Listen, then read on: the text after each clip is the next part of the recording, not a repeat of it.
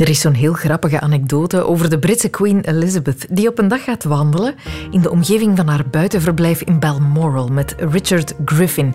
Een van haar koninklijke lijfwachten is dat. En plots botsen ze op twee Amerikaanse toeristen. And it was clear from the moment that we first stop, they hadn't recognized the Queen, which is fine. Dit is die Richard trouwens, of Dick, zoals de Queen hem blijkbaar noemde, die dat verhaal in een interview vertelt. And the American gentleman was telling the Queen where he came from, where they were going to next, and where they'd been to in Britain. And I could see it coming, and sure enough, he said to Her Majesty, And where do you live? Dus die gasten hebben geen idee met wie ze aan het babbelen zijn. Die vragen gewoon: En waar woont u dan, mevrouw? And she said, Well, I live in London, but I've got a holiday home just the other side of the hills. and he said, Well, how often have you been coming up here? Oh, she said, I've been coming up here ever since I was a little girl, so over 80 years. Meer dan 80 jaar al, zegt ze dat ze er woont. Stilletjes aan zou hun frank toch moeten beginnen vallen. Denk je dan? Nee, And you could see the clogs ticking. He said, Well, if you've been coming up here for 80 years, you must have met the Queen. I and as it. quick as a flash says, Well, I haven't, but Dick here meets her regularly. Goed antwoord hè, van de koningin. Nee, nee, ik heb ze zelf nog nooit ontmoet, maar dik hier wel. En vaak hoor. En dus vragen ze aan de lijfwacht. Ah, en de koningin, hoe is die in het echt? En hij, in aanwezigheid van de koningin, antwoordt... Ah, wel, kijk, ze kan soms nogal een beetje nukkig zijn, maar ze heeft wel een goed gevoel voor humor. Waarop die gasten... Anyway, the next thing I knew, this guy comes round, puts his arm around my shoulder, and before I could see what was happening, he gets his camera, gives it to the Queen, and says, Can you take a picture of the two of us? Waanzin, hè? Die Amerikanen vragen dus de Queen om een foto van hen te maken met Dick. En ze doet dat. En blijkbaar daarna heeft Dick ook nog wel voorgesteld: ik zal ook een foto maken met deze oude vriendelijke dame. En na wat begroetingen gaan ze uiteen. Zegt daarna de Queen tegen Dick. I'd love to be a fly on the wall when he shows us photographs to the friends in America, and hopefully someone tells him who I am. Ik zou die hun gezicht graag zien als iemand hen komt vertellen wie ik ben. Zalig verhaal. Het was een van de anekdotes die massaal gedeeld werden op sociale media toen de Britse Queen stierf. Leek wel als familie rond de koffietafel. Zo deelden mensen de grappigste, de opvallendste filmpjes van Hare Majesteit. Het heeft wel wat losgemaakt hoor, haar overlijden. Mensen leken echt te rouwen om iemand die ze nooit gekend hadden. Hoe kan zoiets en wanneer zagen we dat nogal gebeuren? Daar wil ik het over hebben. Welkom in de wereld van Sophie.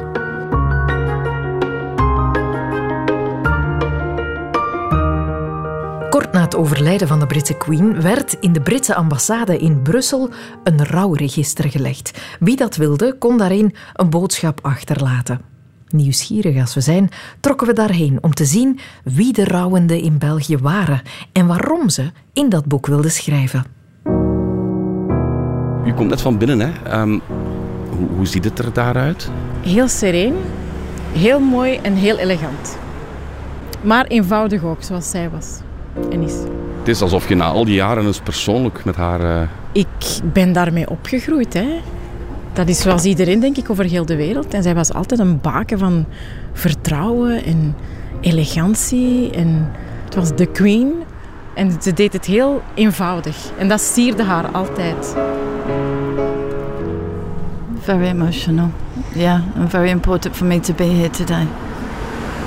Sh- She's an exceptional woman, human being, leader with every quality possible. Yeah, an example to everybody in the world.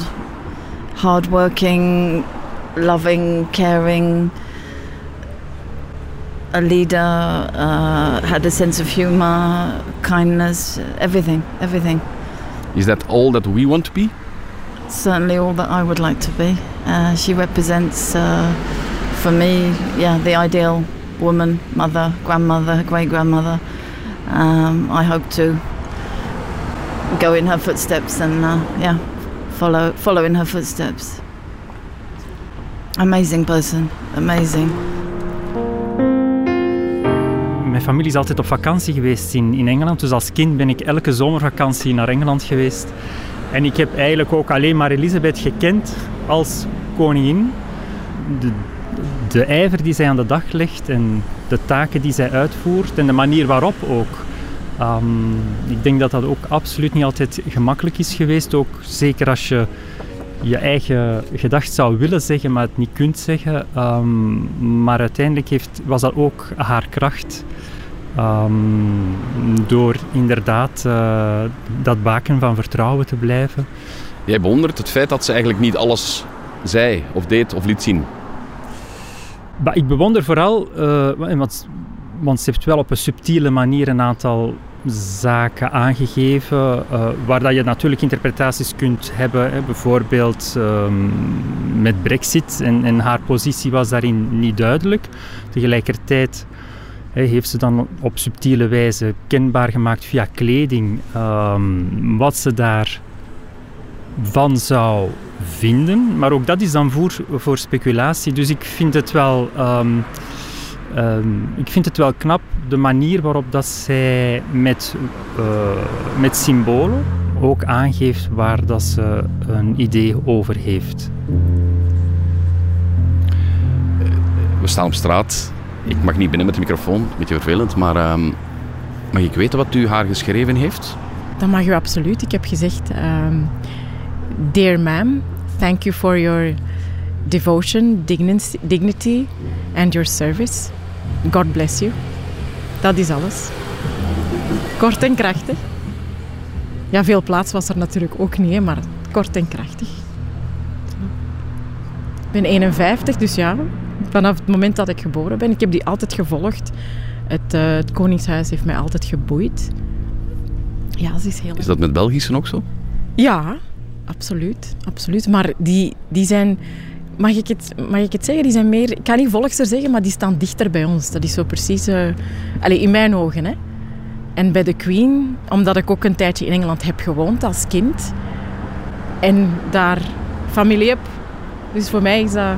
Dat was mijn eerste Queen, laat ik het zo zeggen. Maar ons Mathilde, hè, die mag er ook zijn. Hè. Dat, siert, uh, dat is ook een sierlijke. Hè. En ons Elisabeth ook. Hè. Op, voilà. Yeah, I'm British, uh, exactly. Living in Brussels, uh, yeah, yeah.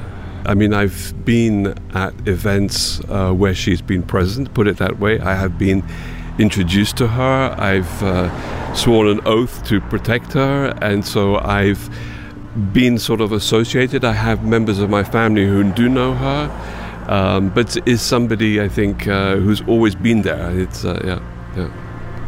You've been introduced to her. Yes, yes. You, you spoke to her. I spoke to her very, very, very briefly. Yes, yeah. I mean, she did actually. I mean, when you think about it, she met a lot of people, and that I think was also somebody who is. Um, sometimes you get the impression that uh, a, a monarch is quite aloof, somewhat removed, but actually, still by keeping a certain distance, she did actually go out to meet a lot of people. Um, we've heard a lot of people uh, who went through a lot of trauma and being invited to stay at Balmoral or going to have tea with the Queen uh, on a very personal level. So I think she she really went out of her way to do as much as she could to um, you know to, to, to be approachable but still keep a certain distance. I think that's uh, yeah, yeah. I have just signed it. Yes, it was an honour to as well. Can I ask you what what did you write in the book? What did you? I, th- I think I just put the words, you know, thank you for everything, all your guidance. Um, and you've left it in the hands of Charles, um, who you have who you have guided, um, and he will look after us now as you once did. She was everything to us, really. Um, we haven't known any different, and she was just kindness to us all. you knew her? No, not really. We've watched everything on the television that has ever been possible, like the proms and Saturday night at the Palladium, and so we followed her as a family.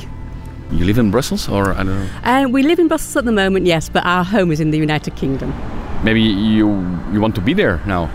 Um, I would have liked to have been there, but I think the coverage is has been amazing, and you almost think you are there. Schrijft u vaker in registers als dit? Dit is de eerste keer. Ik ben eigenlijk geen registerschrijfster, hè. maar dat is iemand die letterlijk, zoals mijn ouders, heel raar, in mijn hart en ziel zit. Altijd een baken van, van vertrouwen, van, in het Engels zeggen ze steadfastness, is ze altijd geweest. De wereld was chaos, Maar wij wisten, de Queen is daar, het komt goed. Dat gevoel had ik, hè, persoonlijk. Ja, het, is, het is een behoorlijk afscheid als je het zo hoort. Hè. Voor mij wel, en ik denk voor, voor vele mensen, denk ik, voor heel de wereld. Het is eigenlijk een, een era has come to an end. And the new one has begun, zoals ze zeggen. Heeft u ze ooit persoonlijk ontmoet? Nee, absoluut niet. Maar zoals ik al zei, ze is altijd in ons leven geweest. En ik heb in Engeland gewoond, plus mijn origine uh, is Pakistaans. Dus wij zijn van de hey, Commonwealth. Het is echt uw koningin? Het is echt mijn koningin. Hè. Ik ben daarmee opgegroeid. Ik zeg het, elegantie, stijl, dat heeft ze altijd gehad. En als er zijn de huidige politici misschien, met alle respect, diplomatie kunnen ze ook van haar leren. Unfortunately, I lost my father two weeks ago as well. So it all comes together at a very sort of difficult moment. So I just think that I mean, I've lost two people who were very uh, present in my life. Um, but I also think that I made the sort of the effort to come here um, mainly because I think it went from a a life of, of steadfast commitment uh, and, and service is, is quite remarkable. Um, and I think that you need to recognize. I mean, you don't need to recognize it, but I think you, you know, one can. And, and if you feel that way, then, then, then why not? And I think that's, uh, for me, why I decided to put on some nice shoes and, and a white shirt, and, and there we are. And make a little bit of an effort. so, yeah. Yeah. Ik ben naar de begrafenis van koning Boudewijn uh, geweest. Ik was toen, uh, wacht, het was in 93 denk ik. Hè. Ik was toen 13. Uh, en ik denk, ja, als je mensen wil vergelijken, dan denk ik dat dat dezelfde allure dan voor, voor België al sinds eh, een koning Boudewijn, absoluut. Maar je weet wat jij opgeschreven hebt? Over haar inzet en ijver en haar service. en, en haar daar ook heel hartelijk voor bedankt. Uh, ik denk dat dat het minste is wat de mensen kunnen doen. Thank you, ma'am, for everything. Het is raar, het klinkt echt als, als een familielid die van alles voor jullie gedaan heeft. Absoluut. Het klinkt misschien zo, maar het is ook zo. En misschien heeft ze niks persoonlijks gedaan, maar gewoon door te wezen en wie dat ze echt oprecht. Ik denk wel dat we een andere hè, Elisabeth hebben gezien uh, in publiek dan in privé, maar haar oprechtheid was er altijd. Altijd, 100 procent. Dat gevoel heb ik persoonlijk altijd gehad.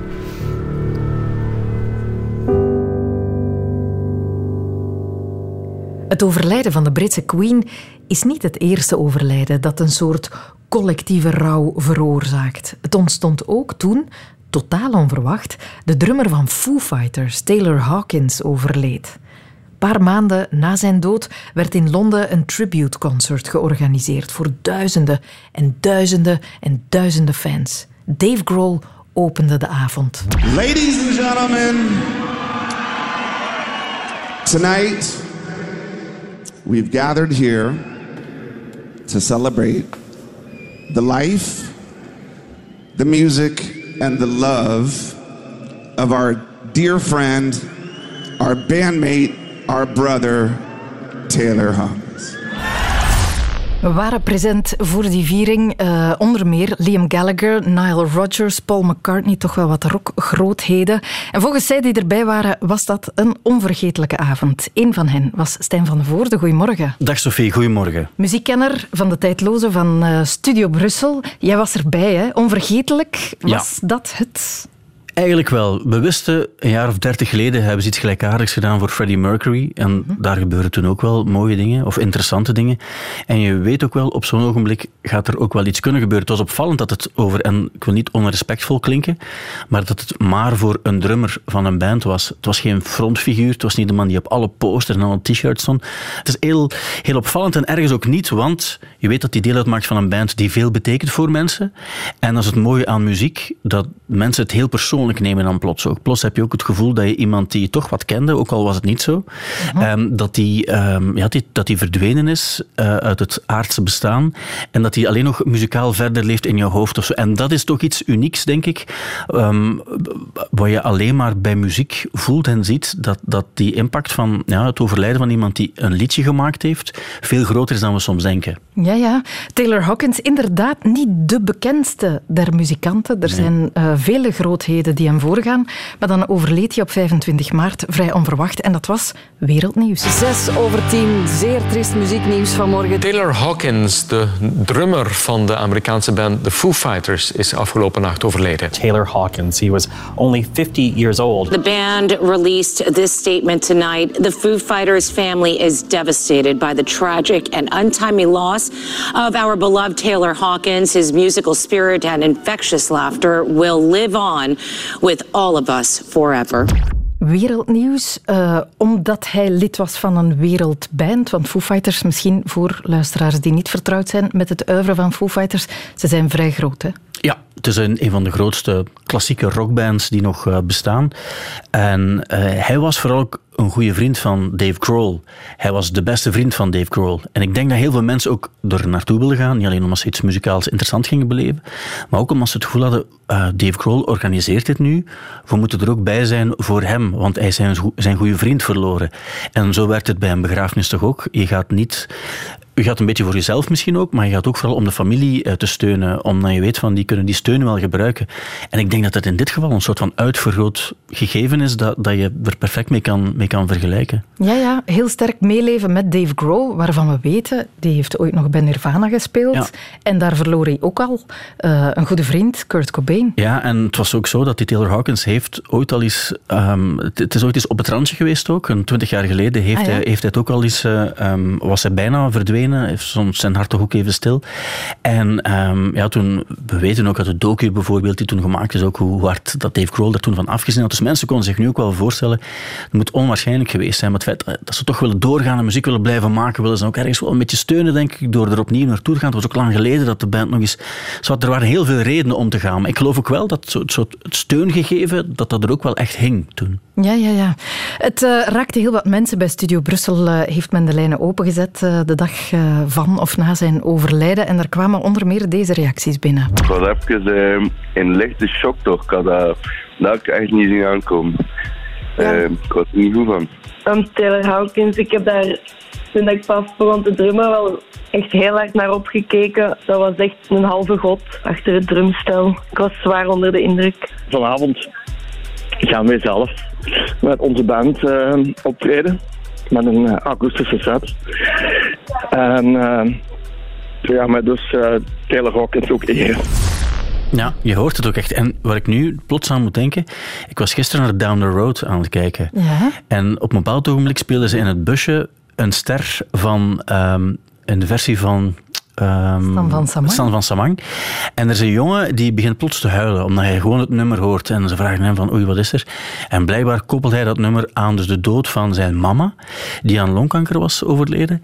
En toen dacht ik van, is eigenlijk net hetzelfde. Dus die hoort een nummer wat op zich uiteraard waar die mama niets mee te maken heeft, maar die koppelen het wel aan het overlijden van. En ik denk dat het net zo bij muziek ook werkt. Heel veel mensen gaan waarschijnlijk ooit een nummer van Foo Fighters aan iets gekoppeld hebben, iets positiefs, iets negatiefs, maakt niet uit. Maar dan hoor je dat nummer en dan plots komt er iets binnen.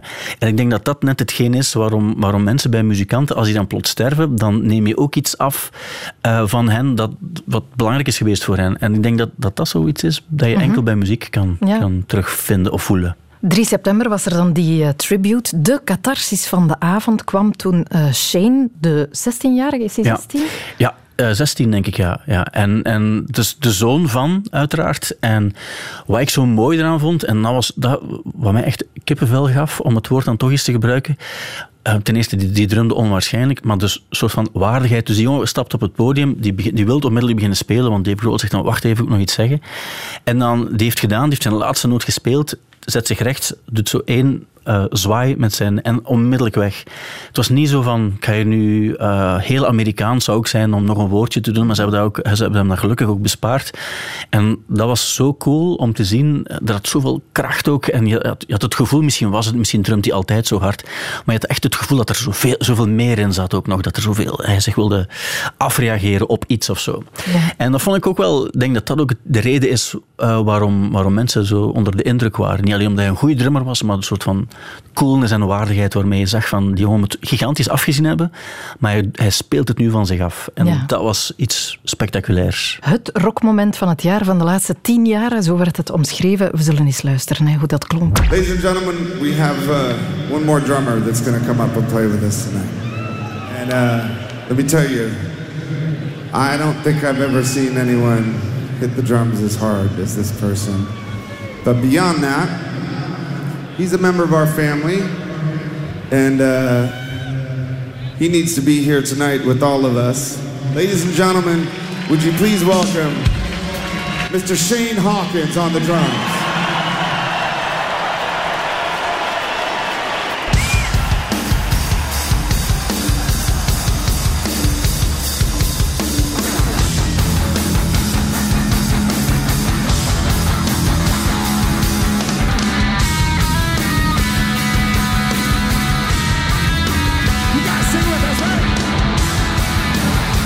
En zo begint dan ja. uh, hun mega-hit My Hero, gedrumd door uh, de zoon. De beelden maken het nog sterker. Je ja. had het eigenlijk moeten zien om het kippenvel-moment te voelen. Ja, je, er, er, heeft niemand zo hard geslagen. Die avond hebben er ja, de beste drummers ter wereld. De, de, de drummer van David Bowie was daar. Uh, je, had, je had daar echt de beste drummers die er waren. Drummer van de Police en zo, Stuart Copeland. Die waren er allemaal, maar er, is geen enkele drummer die zoveel indruk gemaakt heeft als hem door het verhaal daar rond ook.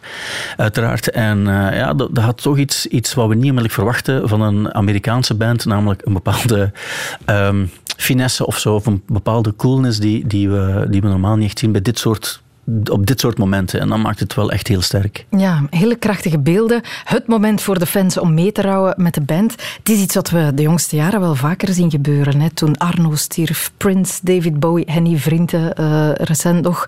De fans heb, lijken dat nodig te hebben. Zo een moment samen om afscheid te nemen. Ja, ik vind een van de mooiste dingen die, die er bestaan. Omdat, ja, het, het zijn vaak zo de clichés die we dan vaak zeggen, maar dat is echt zo de kracht van muziek. We onderschatten altijd hoe belangrijk muziek voor iemand kan zijn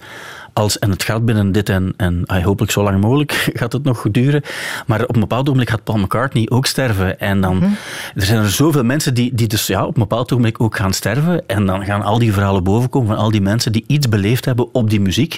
En dan ook de noodzaak voelen om op een sociale media of als op de trein zitten om daar toch iets over te vertellen. En dat is bij iedereen anders en niet altijd zo interessant om van iemand anders te horen, maar wel mooi ook om te voelen dat, dat het eigenlijk bij zoveel verschillende mensen is dat die muziek door concerten, door platen, door, door specifieke nummers echt iets kan betekenen in het leven van een mens. En er zijn zo heel veel boeken met als titel That Song Changed My Life of Saved My Life of wat dan ook. En ik denk dat, dat, het, um, ja, dat het soms echt zo kan zijn. Uh -huh. uh, en daarom heb je ook als er iemand sterft een soort van, ja dat klinkt soms raar voor iemand die je niet gekend hebt, maar heb je toch het gevoel dat je die toch gekend hebt en dat het treurig is dat er een, een stukje van, van wat die betekend heeft, dat, dat, ja, dat het toch afgenomen wordt van ja. Weet je wanneer we dat nog gezien hebben? Toen Luc de Vos stierf de zanger van Gorky. Op 29 november 2014 was dat. Dat veroorzaakte meteen een schokgolf door het land. Hij was zo'n vertrouwd gezicht. Hij kwam met zijn muziek in zoveel huiskamers dat zijn dood onverwacht enorme massa's in Gent bijeenbracht. Dat verbaasde zijn vrienden, zijn familie, zijn kennissen, zijn bandleden. Bart Bogaert maakte een reconstructie van wat zijn dood teweegbracht. Met Gorky-drummer Bert Huizentruid, Gens-burgemeester Daniel Termont en Wim Belaert van de KA Gent Foundation. 6 december 2014. In de Sint-Pieterskerk in Gent wordt afscheid genomen van Luc de Vos. Je gaf aan zoveel mensen een kans. Jij gaat niet verloren. Kijk nu maar naar het licht. Het was perfect zoals het was. Het had langer moeten duren, maar het had niet beter gekund. Na de dienst gaan de deuren van de kerk open. en staat Bert Huizentruid, drummer van Gorky, aan de grond genageld. Het moment dat wij buiten komen uit de, uit de kerk, op het Sint-Pietersplein en de kist ook, en ik kan me herinneren, ik, dat is een beeld dat ik nooit ga vergeten. Uh, staat echt op netvlies gebrand. Dat, die deuren gingen open en wij mochten als band, bandleden eerst uit de kerk gaan. En die, die, grote zware deuren gaan open en we zien ineens echt een gigantische massa mensen. Echt onwaarschijnlijk veel volk. Dat blijft bij mij tot ik, tot ik sterf eigenlijk. Ja. ja. Dat is heel, heel uh, indrukwekkend. Freude, schöner Götterfunken, Tochter aus Elysium. Een paar rijen achter Bert loopt de burgemeester, Daniel Termont. Dat was uh, ja, een van de meest aangrijpende momenten in mijn leven. Dat, dat, dat, dat het trilde, ik kreeg er kippenvlees van. Als, als je die duizenden mensen dat ziet samen staan applaudisseren om, om, om afscheid te nemen van Luc. En ook langs de kant van de baan, dat weet ik al niet meer, maar mijn, mijn vrouw zei dat, dat er, toen dat de bus passeerde met de familie en, wij zaten in een ander busje ervoor, de al de mensen aan de kant van de straat op weg naar, ik denk dat dat op weg naar Campo Santo was dan, de al de mensen een hoed afdeden of een, of een pet of, of een muts of, en, en gewoon even eerbiedig bleven staan. En dat, maar dat, dat, dat doet wel iets natuurlijk. Een week daarvoor had iedereen het nieuws gehoord. Op de radio. Er even uit voor een uh, nieuwsflash. Luc de Vos, de zanger van Gorky, is overleden. Luc de Vos, de zanger van Gorky, is overleden. Het parket van Gent bevestigt het overlijden. Het parket van Gent bevestigt het overlijden. Het is nog niet duidelijk hoe de zanger om het leven is gekomen. Van Martin Tange in het nieuws die het zelf ook nog maar pas vernomen had. Goedenavond. We beginnen dus dit journaal met een bericht dat uh, pas binnengelopen is. Luc de Vos, de zanger van Gorky, de zanger van Mia, is vanavond overleden over de omstandigheden. Ik herinner mij nog, het was een feestelijke avond en, en, en ik moest nog naar verschillende recepties en andere feesten. En uiteraard spreekt het vanzelf dat voor mijzelf uh, de avond ook uh, om zeep was. Hè. Um, om, omdat dat zo onverwacht was gekomen. Ik moest spelen in Eeklo met Koen de Graven en de Post. En uh, we hadden net gesoundcheckt. En we gingen net aan tafel om iets te eten. En ik kreeg een sms'je van een vriend van mij. Van, Allee Bert, uh, wat, een, wat een treurig nieuws. Uh, enige deelneming. Ik wist van niks. En ik belde die op. Ik zeg, een verkeerd bericht verstuurd of zo. En waarschijnlijk bedoeld voor iemand anders. En hij zegt, oh nee, je weet dat nog niet. Ja, ja, het is moeilijk om iets over te zeggen. Precies, het is ook zo vreemd om in de verleden tijd over Luc de Vos te, te spreken. Ja, hij speelde geen rol, hij was ikzelf. Ja. De individuele rouw ik vind het heel erg. wordt heel snel collectieve rouw. Ik ben niet de enige. Hè. Ik merk aan de hoeveelheid reacties dat er geweldig veel muzikanten en artiesten echt gechoqueerd zijn. Ben zo echt verbijsterd en ja, ontdaan. En, en het is onwezenlijk wat er gisteravond is gebeurd. En... Het is stil in Gent, maar uh, het is koud in mijn hart. Geen woorden. als je nu kijkt in welke mist dat, dat Gent zo staat en uh, in Bedford... Verdriet. Is het zo, uh, Triest. Gent. En triest. Ja, Gent min Luc de Vos, dag 1. Het is stil in Gent, maar de bijaard speelt Mia. Het feit dat heel die stad meer rouwt bij het ingaan van, van, van Luc de Vos heeft niet alleen te maken met zijn goede muziek, maar die man heeft echt met zijn muziek en zijn teksten invloed gehad op, op die Gentse gemeenschap en op heel Vlaanderen eigenlijk bij uitbreiding. De dag na de dood van Luc de Vos wordt in het Constant van den Stokstadion de topper tussen Anderlecht en Club Brugge gespeeld. Bij AA Gent kijken ze toe, om andere redenen dan ze verwacht hadden.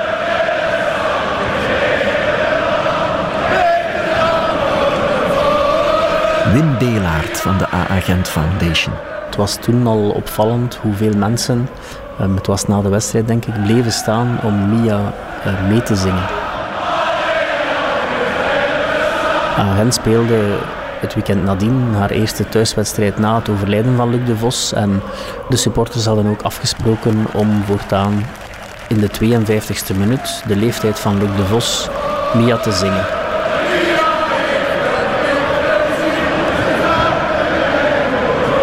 Nu, vier jaar na zijn dood, wordt er nog altijd gezongen in de 52e minuut. Het is meer een eerbetoon aan alle overleden Buffalo's um, dan aan Luc de Vos zelf. Maar uiteraard is uh, Luc de Vos de, de, bijna de verpersoonlijking van, uh, van de Gentenaar, van de Gentse spirit ook. En daarom is, uh, is het Mia-moment, de 52e minuut, ook onlosmakelijk verbonden aan Luc de Vos. Linde Merkpoen presenteert een maand na Luc's dood Music for Life. Er werd heel veel Mia aangevraagd, maar echt heel veel. En op een bepaald moment draaiden we het, s'avonds, vlak voor 12 uur, middernacht. En we starten dat nummer en er gebeurt iets en ik krijg nog altijd kippenvel. Dit is Mia. Laten we zingen.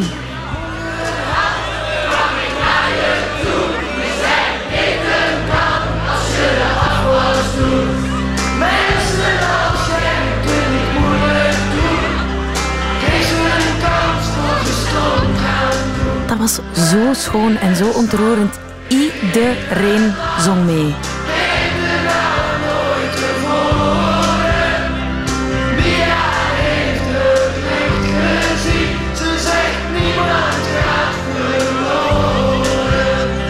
Dat was zo krachtig.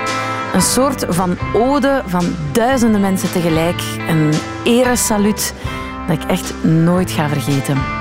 Het afscheid van Luc de Vos is een van de grootste uitingen van collectieve rouw die ons land ooit gezien heeft. We hebben de grote staatsmensen, staatsmannen in Gent begraven die het met veel minder volk hebben moeten doen. Ik denk dat er niemand uh, qua aantal aanwezigen, qua inlevingsvermogen van de aanwezigen, dat niemand eigenlijk uh, ja, de vergelijking kan doorstaan dan die begrafenis van Luc de Vos. Ja. En hij was ook het staatshoofd van de, van de Belgische muziek natuurlijk.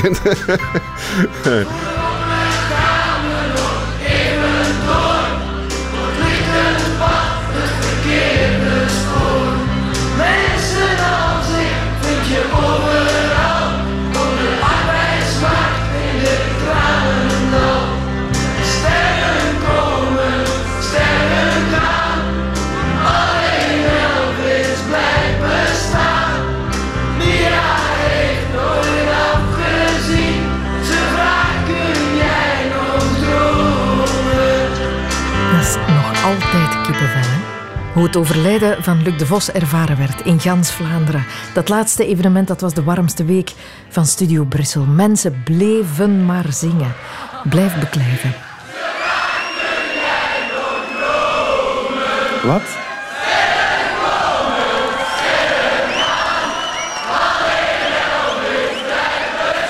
Hoe komt het dat we zo gepakt kunnen zijn door een overlijden op afstand? Kan je eigenlijk wel rouwen als je de overledene niet kent? Ik denk dat alles een terechte vraag is.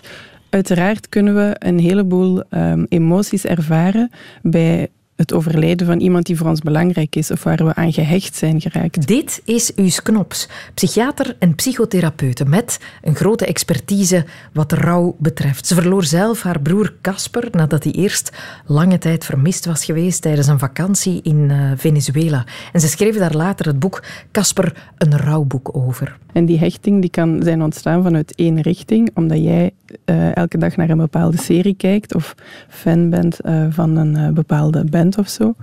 Um, maar of al die emoties die je dan voelt, of dat dat dan uh, allemaal onder de term rouw valt, daar zou ik toch wel een vraagteken bij willen plaatsen.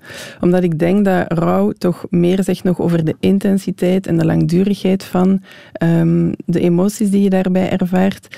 En als we het dan hebben over hè, de Queen bijvoorbeeld, dan denk ik toch wel echt dat mensen die hun eigen moeder zijn verloren uh, en daarvan de zwaarten en de leegten en de pijnlijkheid ervaren, dat dat toch iets anders is dan hoe wij overmorgen, hè, met het verdriet dat we nu hebben om de Queen, overmorgen weer uh, opstaan en naar ons werk gaan. Ja, ja. Dus eigenlijk zou ik daar toch een uh, pleidooi willen houden om die term collectieve rouw niet te snel in de mond te nemen. Er zit rek op die term rouw. We gebruiken dat intussen veel vaker dan vroeger of dan enkel om een overlijden. Maar ergens is die rek niet eindeloos. Mm -hmm. Zo, wat zou een betere term zijn? Um, ik denk dat medeleven een term is die veel ladingen daarin kan dekken. Want wat dat we ervaren bij um, een groot drama, denk ook aan de overstromingen bijvoorbeeld uh, in Wallonië of uh, terroristische aanslagen, hè, dan wordt ook altijd gezegd dat het hele land collectief in rouw is. Er zijn mensen die verdriet ervaren, maar er is ook boosheid, um, ongenoegen, er is ook angst. En ik denk dat door het medeleven die lading dan dekt, dat ieder daar dan zijn eigen uh, emoties onder kan plaatsen. Dus collectief medeleven of massaal medeleven mm -hmm. uh, lijkt mij iets genuanceerder. Ja, collectief medeleven, het blijft bijzonder om te zien. Hè? Mensen mm -hmm. die staan te huilen aan de poorten van Buckingham Palace. Hoe komt het dat verdriet, dat dat soort verdriet mensen toch gaat overmannen. Zelfs al ja, hebben ze nooit de Queen in levende lijven gezien.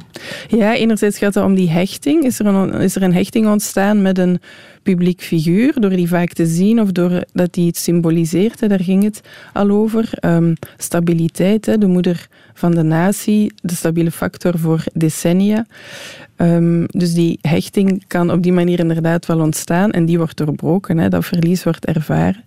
Maar anderzijds raakt het ons ook heel vaak in een persoonlijk verhaal. In onze eigen band met een moeder die overleden is of waarvoor je misschien bang bent dat die uh, gaat overlijden en dat je ja, daar al mee bezig bent. Ook mensen die nooit een moeder hebben gekend, die ineens merken van oeh, dat moedergevoel um, dat bij mij ontbreekt, dat maakt mij ook wel verdrietig. Dus daarin worden we geraakt in iets gemeenschappelijks. Um, dan is de Queen bijna een soort symbool. Ze staat voor van alles op zo'n moment. Absoluut, dat denk ik wel. En daardoor wordt dat ook bij verschillende mensen op verschillende manieren geraakt. En zijn er ook mensen die daar niet veel bij voelen. Of mensen die voelen dat ze iets voelen en dat dan eigenlijk een beetje gek vinden ook. Er ontstaat ook wel verwarring van mensen die de vragen die jij nu luid opstelt, ook bij zichzelf stellen van, allee, hoe kan dat nu? Ik ken die eigenlijk niet echt. En toch voel ik dat ik ermee bezig ben, dat, het, eh, dat ik het meedraag. Ja, misschien, het was iets wat Stijn van der Voorde daarnet aanhaalde, dat het je plots herinnert misschien zelfs onbewust aan een ander eigen verdriet waar je nog mee zat. Dat het gewoon, dat het gewoon emoties zijn die zich binnenin je gaan herkennen. Ja, absoluut. Daar geloof ik zeker in. Um, een eigen verdriet, al dan niet door een uh, moederfiguur. Um, of inderdaad die herinnering ik kan misschien eventjes de zijsprong maken. Toen uh -huh. professor Cassiman overleden is, begin augustus, uh -huh. de Leuvense prof en uh, uh, al onbekend voor zijn kennis in de genetica.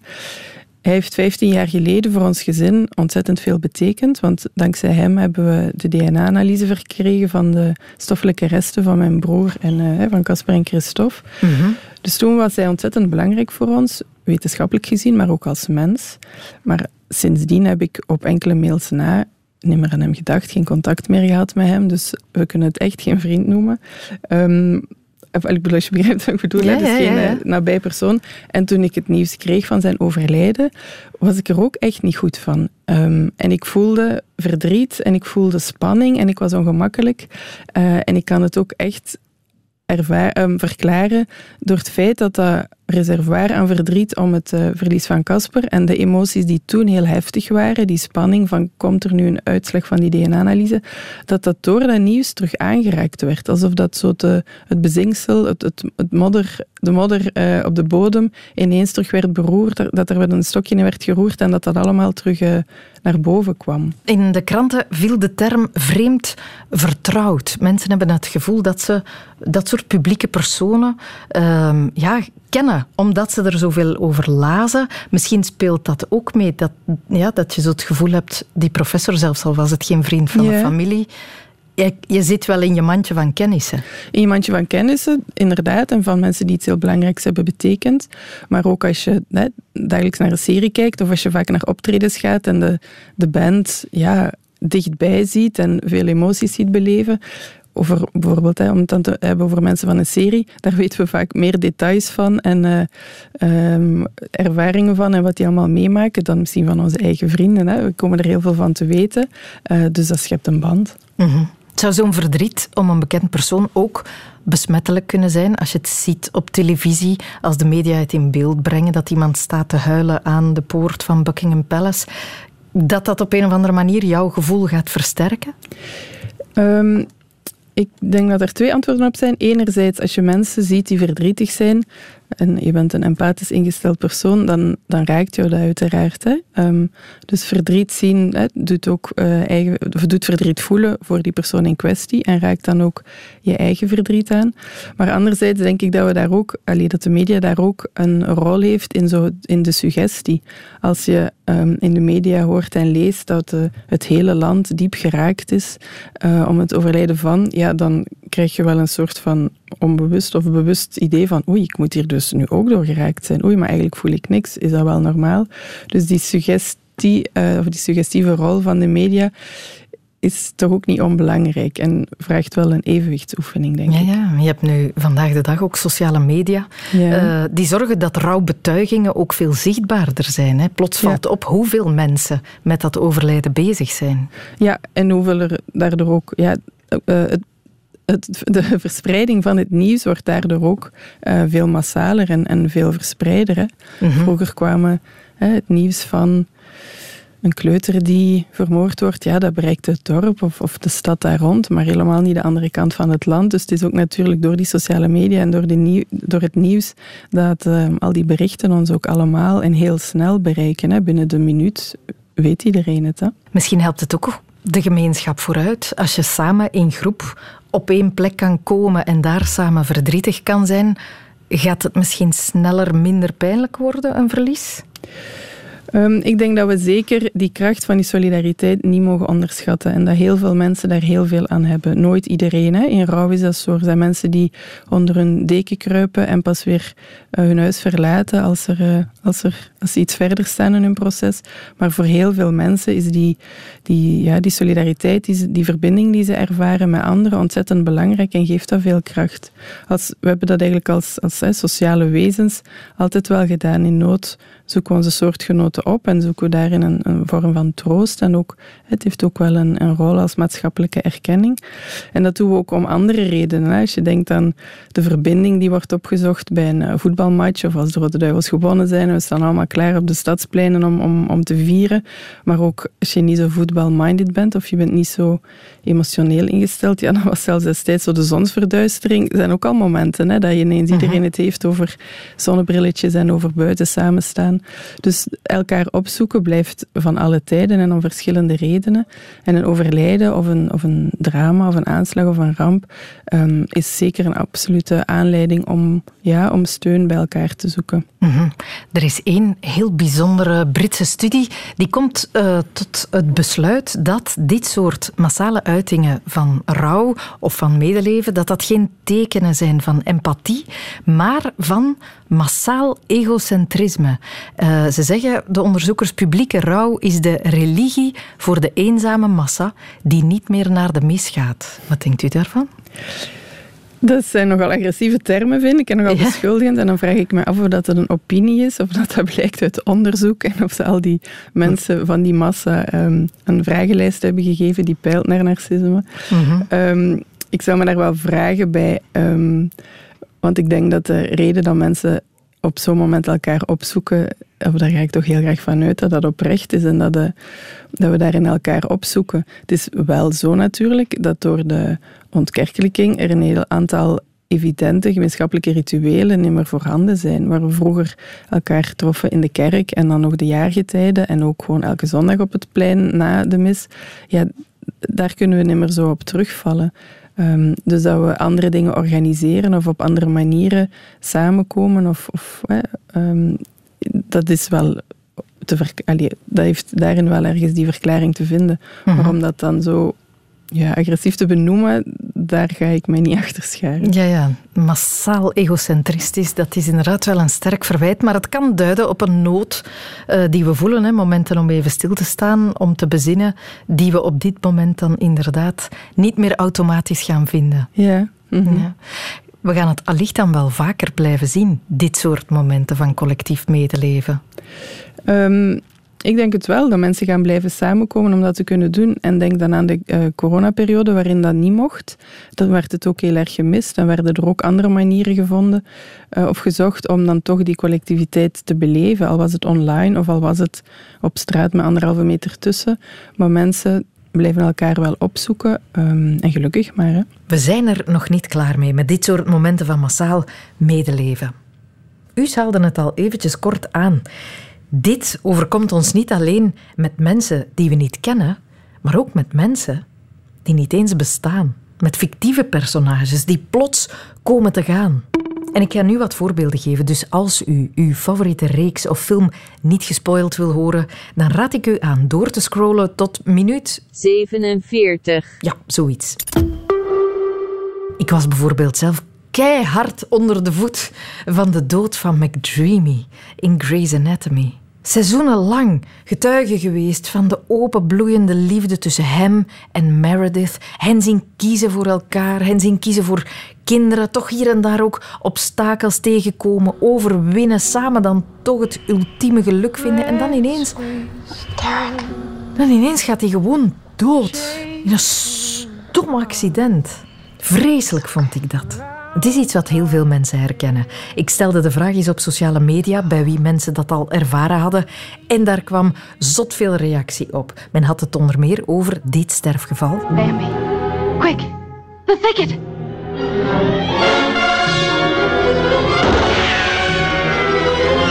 Faster, faster, Bambi. Don't look back. Keep running.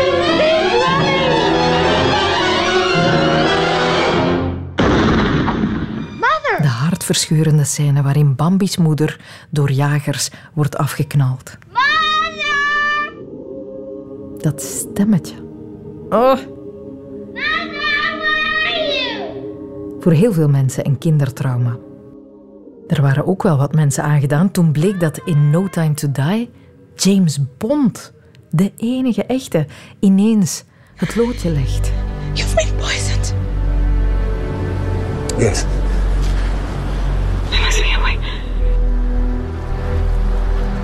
More time. If we only had more time.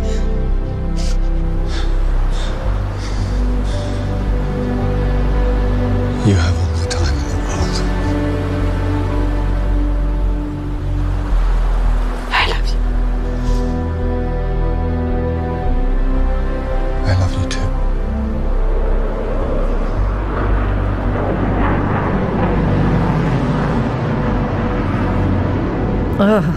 toch. Even intens is de dood van Jack in Titanic. Jack die na uren in het ijskoude water de plank waarop Rose zich drijvende houdt en waaraan hij zich vastklampt, moet lossen en in de diepe zee wegzakt.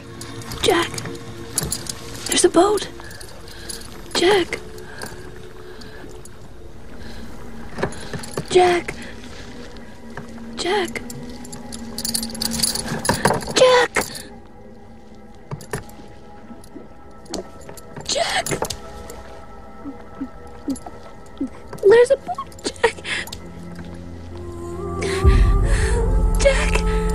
Hier dat stemmetje.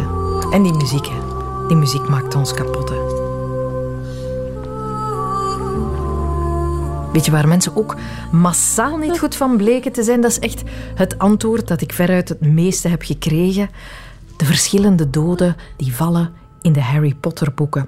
Dumbledore, Pergamentus, Hagrid, Dobby, het schattige elfje. Echt zeer opvallend hoe intens die overlijdens beleefd werden. En niet alleen bij de jongste generaties. Op die oproep reageerde ook Sien Volders. Zij is schrijfster van de romans Oogst en Noord en huilde tranen met tuiten toen Gandalf overleed uit Lord of the Rings. Ze schreef Gandalf die bij Khazad-dûm de afgrond instort net op het moment dat je als lezer begrijpt hoe belangrijk hij is. Dat vonden we wel interessant, omdat ze natuurlijk zelf schrijft en ook zelf de macht heeft om bepaalde personages afgronden in te gaan storten. Bart Bogaert zocht daarop. Toen ik 16 was, of 17, in middelbaar, dat is de periode waarin dat je heel, heel graag science fiction leest en, en absoluut fantastische verhalen. Dus ik heb eigenlijk op exact het juiste moment ben ik begonnen aan Lord of the Rings. Helemaal verkreukelde versie van mijn vader. En ik begin die te lezen in, in het saaie, dorre middelbaar. En ik las die samen met een vriend van mij. Een van mijn beste vrienden op dat moment, Jan Janssens, las de boeken na mij. En als je in de band van de ring begint, je onwaarschijnlijk veel fantastische personages die allemaal evoluties doormaken. En iedereen heeft altijd één favoriet personage. Mijn personage is Aragorn. This is no mere ranger. He is Aragorn, son of Arathorn. En die komt heel mysterieus in het verhaal, die evolueert en langzaam weet je, komt je te weten wie dat, dat is. Maar dan heb je Gandalf. You're late. A wizard is never late, Frodo Baggins. Nor is he early. He arrives precisely when he means to. Die geïntroduceerd wordt als een beetje een hele rare tovenaar die wat, wat, wat trucjes komt doen en, en vuurwerk afschiet. En het is eigenlijk maar als dat verhaal al heel goed op gang is, als je langzaam begint te beseffen van wat voor een gigantische wereld dat er, dat er rond die kleine hobbitjes zit, als je weet wat er precies op spel staat met die ring. One ring to rule them all. One ring to find them. One ring to bring them all. And in the darkness, find them. En net op het moment, als je beseft hoe belangrijk Gandalf is, op het moment dat ze de mijnen van Moria intrekken, omdat ze niet over de berg komen, omdat ze de ring natuurlijk naar het vuur moeten brengen om dat te laten uh, met het genootschap, dan heb je een, een, dagenlange tocht door die mijnen in het donker. En ze horen die een drum en ze horen dat die, dat die, dat die orks afkomen. Er zijn uh, wezens waar ze absoluut bang van moeten zijn. Die komen allemaal dichter en dichter en dichter. En dat is fenomenaal gedaan in dat boek. Want je leest daar, als je enkel tijd hebt voor en na school om te lezen, doet je daar dagen over in, in, in die donkere spanning. En dat is net het moment dat je ten volle beseft dat Gandalf sterk genoeg is om tegen die gigantische ork te vechten. En Gandalf valt dan in de kloof. Fly, you fools! Ik was kapot. Dat is uh, diepe rouw en, en dat, is, dat is vreselijk, want je ziet je wereld dan in de afgrond storten. Absolute shock. Maar dat is, dat is ook een wereld waar dat je zo diep in bent gekropen. En zeker die leeftijd waarop dat je in middelbaar zit. Er gebeurt er veel in je leven, maar alles een beetje moeilijk. En als je dan weg kunt duiken in die boeken, in die verhalen en daar volledig in kunt, kunt verdwijnen, dan wordt dat ook veel groter. Plus, het middelbaar is heel saai. Ik vulde mijn dagen met dagdromen, waarin dat ik ofwel zelf verhalen verzon, ofwel zat ik in die wereld van die boeken die ik op dat moment aan het lezen was. Dus dat, dat beleven van een verlies van een personage gaat, gaat door. Hè als ik niet aan het lezen ben, is dat dan een hele dag in middelbaar dat je tijdens die vreselijke fysica- en wiskundelessen, ik mag dat in dit huis niet vernoemen, maar dat was wel zo, dat je daar in, in diepe, diepe droefenis zit te denken van hoe in godsnaam, waarom in godsnaam en hoe moet dit, hoe moet dit in godsnaam verder. Maar op dat moment zat ik één boek voor op mijn vriend Jan, die na mij moest lezen. Dus ik kon dan niet ten volle zeggen wat er allemaal aan het gebeuren was. En gelukkig ben ik dan in mijn rouw door blijven lezen. En hij komt terug, hè. Gandalf de Grijze komt terug als Gandalf de Witte, maar dat weet je helemaal niet op dat moment dat hij daarin valt. En Jan, mijn vriend, die na mij de boeken las, zijn favoriete personage was Gandalf. Dus ik wist dat er een moment ging komen dat hij met zijn fiets bij school aan ging komen en dat hij ofwel dat boek naar mij zou gooien of, of, of mij radeloos aan zou grijpen. En dat is effectief zo gebeurd, want die wilde niet lezen. Die had dat boek terug bij naar school en hij zei, hier, stop. Ik stop gewoon met dit boek. Ik doe het niet. Ik lees niet verder. En dan moet je dus een manier vinden om niet spoilerend duidelijk te maken van uw favoriete personage. Komt op een manier nog wel terug, Jan. Je gaat het nog wel overleven. Heeft de rouw, zoals je hem gevoeld hebt voor het personage Gandalf, zich later nog voorgedaan bij andere literaire personages? Oh, maar heel veel, hè? want bij kinderboeken heb je dat bijvoorbeeld ook. Hè? De Gebroeders Leeuwenaard bijvoorbeeld. Ik heb, ik heb dat zo vaak gelezen als kind. Ik heb dat nu ook voorgelezen aan mijn kinderen. Ik huil mij nog altijd dat pletter op het moment dat, dat Jonathan sterft aan het begin van het boek. Ik, ik huil mij helemaal te pletter als ze allebei dan zo de afgrond instorten. En dat is ook dat, dat is heel mooi, hè? dat je dat moogt beleven voor, voor, voor iemand die nooit bestaan heeft. Jij schrijft zelf, hè? dus jij creëert zelf personages die leven en onvermijdelijk dan ook sterven. Heeft de heftigheid van de emoties die jij voelt bij het overlijden van literaire personages een impact op hoe jij personages creëert of laat doodgaan? Ah, wel, in, in Noord laat ik een hond doodgaan. En dat is toen een heel rationele, bewuste keuze geweest. Eerst was dat de hond van een ander personage. En ik heb dat toen de hond van het personage dat de hond zelf dood. Dat is geen hele grote spoiler. Je mocht het boek Noord nog altijd kopen en lezen.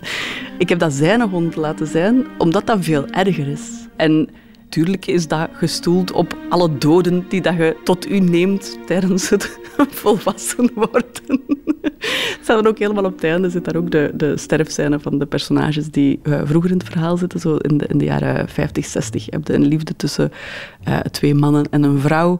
En een van die mannen overlijdt ook, wordt gevonden door de andere man. En dat is ook iets waar ik mij toen heel hard in verlekkerde, want dat is exact terug datzelfde dat je maar, wacht eens, wacht eens. Je zegt nu, ik verlekkerde mij erin. Ja. Daarnet zei je ook al, dat moest iemand anders hond zijn, maar dan ja. is het erger. Is dat een vorm van literaire sadisme? Of, of wat is dat nu? Nee, maar ik denk, dat, dat is een theorie die ik al een tijd aan het ontwikkelen ben, um, waar dat ik van denk dat die ook wel klopt, van wat dat je meemaakt in literatuur en in boeken en in films. Dat is een soort oefenen voor het echte leven op een heel veilige manier. Want daar zit geen echte scherpe rafelrand aan, dat is geen gat in je leven. Je kunt alles beleven, maar op een heel veilige manier. Maar dat is niet, op, dat is niet minder oprecht dan dat je dat voor een echt personage zou voelen.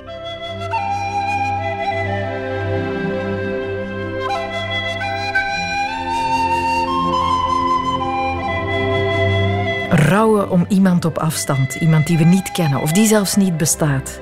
Het oefent ons in het echte leven, vind ik een zeer interessante gedachte. Het is veilig, onderzoekend, treuren. Dus hou je vooral niet in.